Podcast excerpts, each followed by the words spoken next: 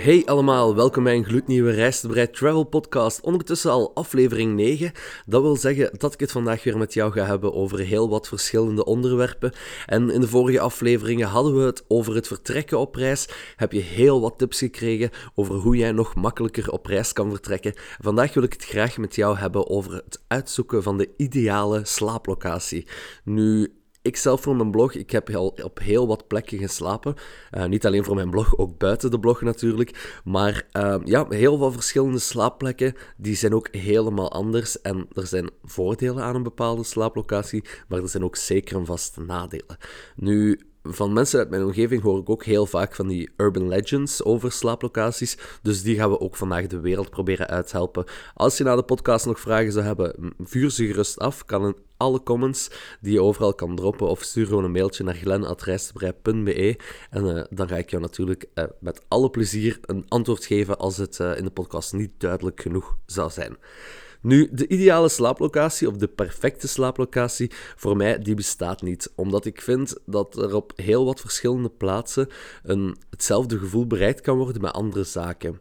Nu, als ik in een hotel ga slapen bijvoorbeeld, ja, dan is het wel heel makkelijk, want dan heb je meteen een vakantiegevoel en hoef je natuurlijk niks meer te regelen. Alles staat op je kamer, alles is voorzien, dus dat is natuurlijk heel handig. Je hebt natuurlijk heel wat privé. Er zit niemand bij in jouw kamer of zo.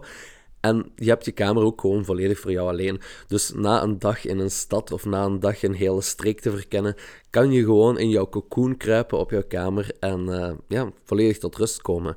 Nu, allemaal heel tof, maar in hotel slapen kan de prijs van jouw vakantie wel vaak hoger maken. En sommige mensen die kiezen dan voor iets anders, wat ik begrijp, maar het betalen voor een hotel is zeker en vast wel de moeite waard om natuurlijk. Um, ja, om natuurlijk meer echt zo de vakantiegevoel te hebben dat je ook ochtends naar het ontbijt kan in het hotel. En ja, ik neem eigenlijk bijna nooit ontbijt in het hotel. Dat zal heel af en toe wel eens gebeuren. Maar ik vind het bijvoorbeeld leuker om echt op bestemming zelf een, uh, een ontbijt te gaan zoeken. En om dan eigenlijk zo aan mijn dag te starten, vind ik veel fijner dan uh, eigenlijk een hotelontbijt. Maar vaak neem ik ook wel een hotelontbijt als het echt niet anders kan. En het is ook gewoon handig. Alles staat klaar. Je moet niet meer nadenken. Je moet niks meer doen.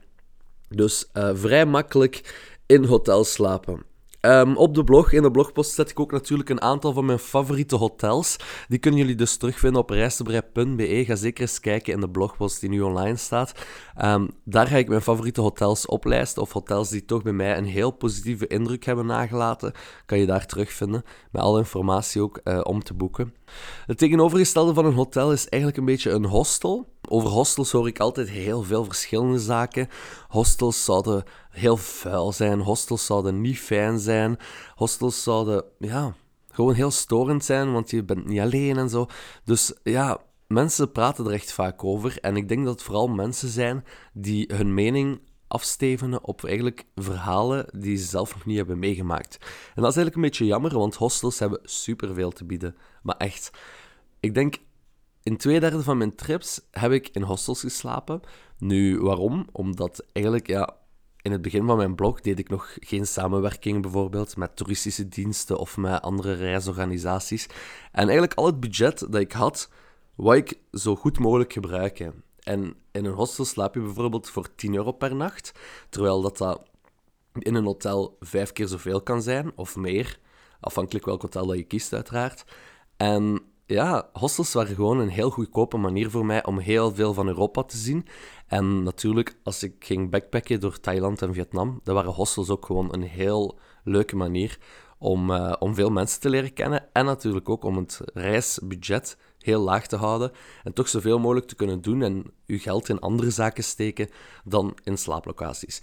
Dus ik ben wel een grote fan van hostels. En waarom?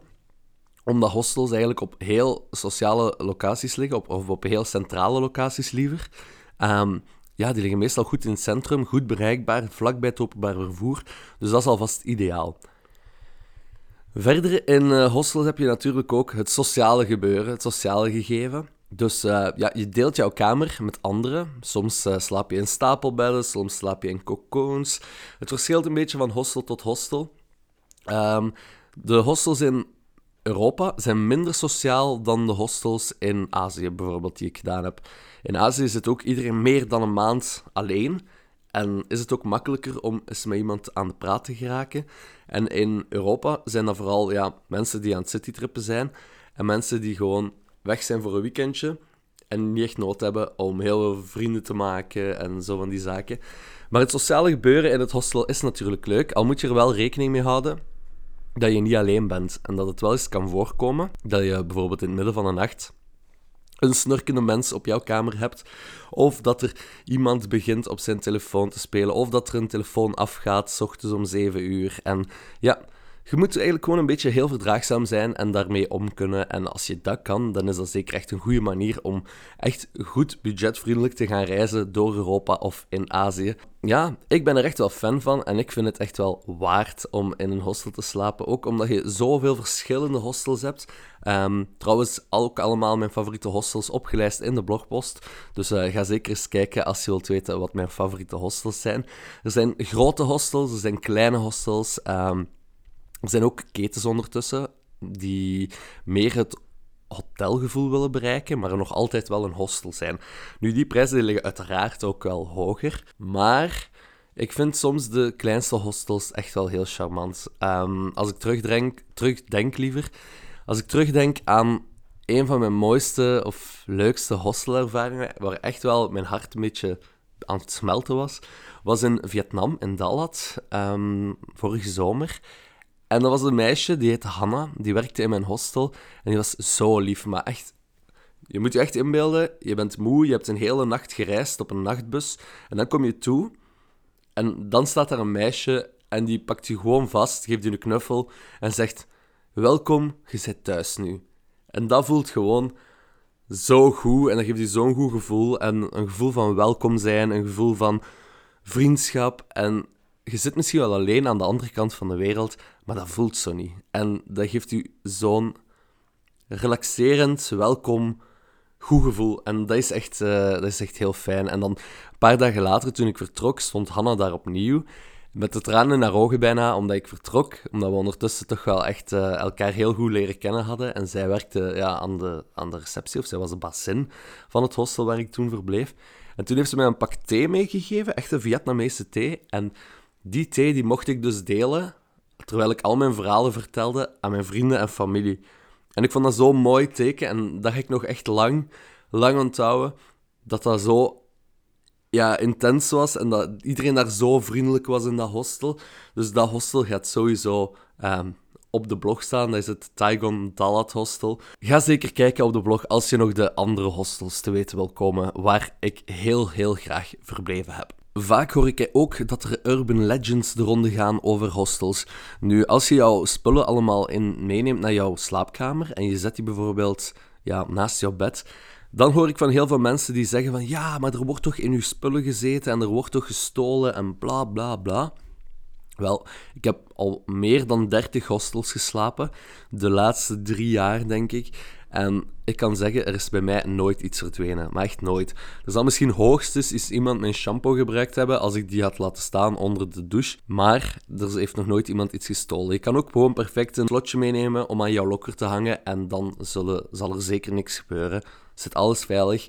En uh, ja, bedoel, ik reis ook altijd met camera, laptop en zo. Dus uh, genoeg dure spullen dat ik bij me heb maar nog nooit iets gestolen. Ik hoor ook vaak van, ja, hostels is toch vuil met iedereen, kamers delen, de badkamer delen. Soms, ja, maar je kan, je kan daar zeker en vast je, um, je voorzorgen voor nemen. En het kan zeker en vast ook anders als iedereen gewoon meer gericht is op, het is niet van mij alleen en ik zou ook niet willen dat de volgende in een vuile omgeving komt. Dan zou dat kunnen. Maar echt, er zijn geen first world problems. Ik bedoel, al die zaken die neemt je er gewoon bij. En je hebt zoiets van, ja, ik had het ook niet verwacht. Dus als je het niet verwacht, kan het ook niet tegenvallen. En dat is denk ik hetgene dat je zeker vast moet meenemen. Dus kijk zeker op de blog als je nog wilt weten welke mijn favoriete hostels waren. En welke hostels natuurlijk ook echte aanraders waren. Kan je allemaal nalezen. Nog een hele leuke manier om te gaan reizen is eigenlijk door te slapen in Airbnb's. Airbnb's is een website waar je dus voor een bepaalde termijn eigenlijk een kamer of een heel huis kan huren. En ja, dat is eigenlijk op locatie in een land waar je naartoe wilt. Daar huur je gewoon eigenlijk iemand anders zijn plek. En ja, wel leuk, maar er komen ook heel wat andere zaken bij kijken. Dus uh, het voelt soms alsof je iemand anders zijn huis aan het rondlopen bent. En er staan allemaal spullen. En ja, het is gewoon een beetje bizar, want het lijkt zo van, wat doe ik hier? En... Maar langs de andere kant is het ook wel tof, want je krijgt meteen een huiselijk gevoel. Je voelt je ook net als een local, want er gaan heel veel zaken door jou heen als je rondloopt, als je naar buiten kijkt. Uh, ja, het is precies of je daar echt woont en dat is wel echt een leuk gevoel.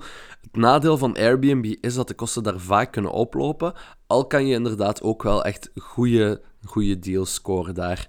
Dus uh, sommige prijzen zijn natuurlijk uh, meer prijzig, zeker in het hoogseizoen. Uh, ik heb bijvoorbeeld al een Airbnb gehuurd in Valencia. Die was vrij pittig qua prijs, omdat dat in zomervakantie was. Maar een, een Airbnb in Warschau bijvoorbeeld, die was wel een heel stuk goedkoper. En waar heb ik dan nog in een Airbnb geslapen? Ja, goede vraag. Ah ja, in, uh, in Belgrado. Belgrado was echt een hele goede Airbnb en zeker ook de host. Nu, als je daartoe komt en je gaat naar de Airbnb, dan ligt ofwel de sleutel ergens verstopt. Dan kan je de sleutel ergens uit een, uit een lokker halen of um, gewoon ergens terugvinden onder een bloempot of bij wijze van spreken.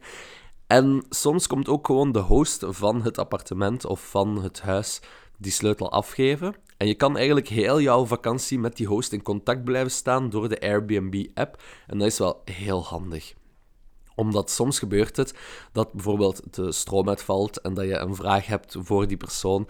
En dan kan die jou eigenlijk perfect helpen met te zeggen wat je kan doen of wat je best niet doet. Nu, op het einde van jouw verblijf gaat die persoon jou ook een review geven en jij kan die persoon ook reviewen. Krijg je een aantal slechte reviews, dan wordt het boeken van een huis of een appartement natuurlijk niet meer makkelijk. Maar ja, dat heb je dan natuurlijk ook aan jezelf te danken, denk ik. Dus ook mijn favoriete Airbnb's of de Airbnb's die ik zeker een aanrader vind en al geprobeerd heb, die staan vermeld in de blogpost. Dus ga zeker eens kijken. Naast alle hotels, hostels en Airbnb's wou ik het ook even hebben over wat bijzondere slaaplocaties, omdat er die er ook natuurlijk zijn. En uh, ja, het is gewoon eens leuk om te slapen op een locatie die minder relevant is of die minder aan bod komt, normaal gezien. En de voorbije jaren, eigenlijk dit jaar, heb ik uh, twee locaties gedaan die ik toch wel echt heel bijzonder vond. Ik ben bijvoorbeeld mijn eerste keer op een boot gaan slapen. Dus dat was de eerste keer dat ik mee ben gegaan op een cruise. Dat was een cruise voor 24 uur en dat was echt heel fijn om eens te doen. En ja, het speciaal. Je hebt zo'n kajuit voor jezelf. En ik had gelukkig een kajuit aan de buitenkant van het schip. En ik kon zo door een heel klein raampje naar de zee kijken. En was echt wel fijn om te zien. Maar je moet er wel rekening mee houden dat het s'nachts je echt een goede slaper moet zijn voor op een cruiseschip te slapen. Want mijn kamer lag niet zo heel ver van de motorruimte. En ik hoorde eigenlijk de hele nacht de motor van het schip gaan en gaan en gaan. En natuurlijk, als de golven sterk zouden worden op zee, dan lig je ook wel een beetje te wiegen in bed. Dus als je genoeg alcohol hebt gedronken, ga je dat niet meer merken. Maar um, ja, als je gewoon in je bed ligt en het zou een beetje minder weer worden, dan ga je dat wel werken. Nu natuurlijk, op cruise gaan, uh, het heeft zijn voor- en nadelen, misschien kom ik daar later nog wel eens op terug. Maar het slapen gewoon op een boot is wel eens leuk om te doen. En zeker wel een aanrader om, uh, om eens mee te maken. Dus Misschien iets om te proberen voor volgend jaar in 2020 op jouw bucketlist. Zeker eens gaan proberen. Nog een speciale slaaplocatie was eigenlijk uh, tijdens een trip die ik in september heb gemaakt naar Flevoland in Nederland. Um, daar waren we eigenlijk bij een glamping uitgekomen. Die heette Buitenplaats Zuiderzee. Uh, in Lelystad was dat. En daar kon je eigenlijk slapen op heel wat verschillende bijzondere locaties. Er was bijvoorbeeld een boomhut waarin je kon slapen. Er was een zeecontainer waar ik in heb geslapen. Een uh, soort van zigeunerwagen was er ook. En dan had je daar ook nog een rioolbuis bijvoorbeeld om in te slapen. Nu, allemaal heel speciaal en heel bijzonder, maar wel super tof om gewoon even een weekendje weg te gaan en gewoon eens een weekendje uit die comfortzone te stappen en gewoon op een hele leuke locatie te slapen waar je normaal gezien niet zou slapen.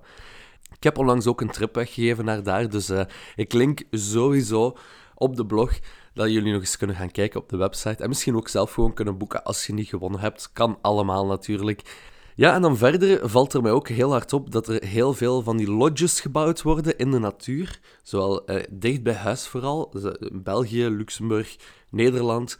En dat je daar ook echt kan gaan slapen. En voor volgend jaar wil ik dat sowieso op mijn planning zetten om eens te gaan doen. Om eigenlijk gewoon echt in het midden van de natuur in zo'n lodge te gaan slapen.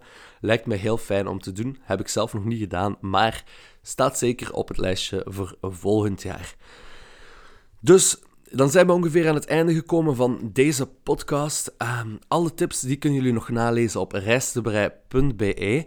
Alvast bedankt om te luisteren. Volgende week heb ik opnieuw een gast. Gaan we het hebben over een nieuw boek dat is uitgekomen. Dus met, uh, met een schrijver. Ha, eigenlijk twee schrijvers bij elkaar. Wordt leuk. En uh, ja, dan zien we elkaar, of dan horen we elkaar liever volgende week terug voor een nieuwe podcast. Volg zeker de podcast op Spotify, iTunes, Soundcloud.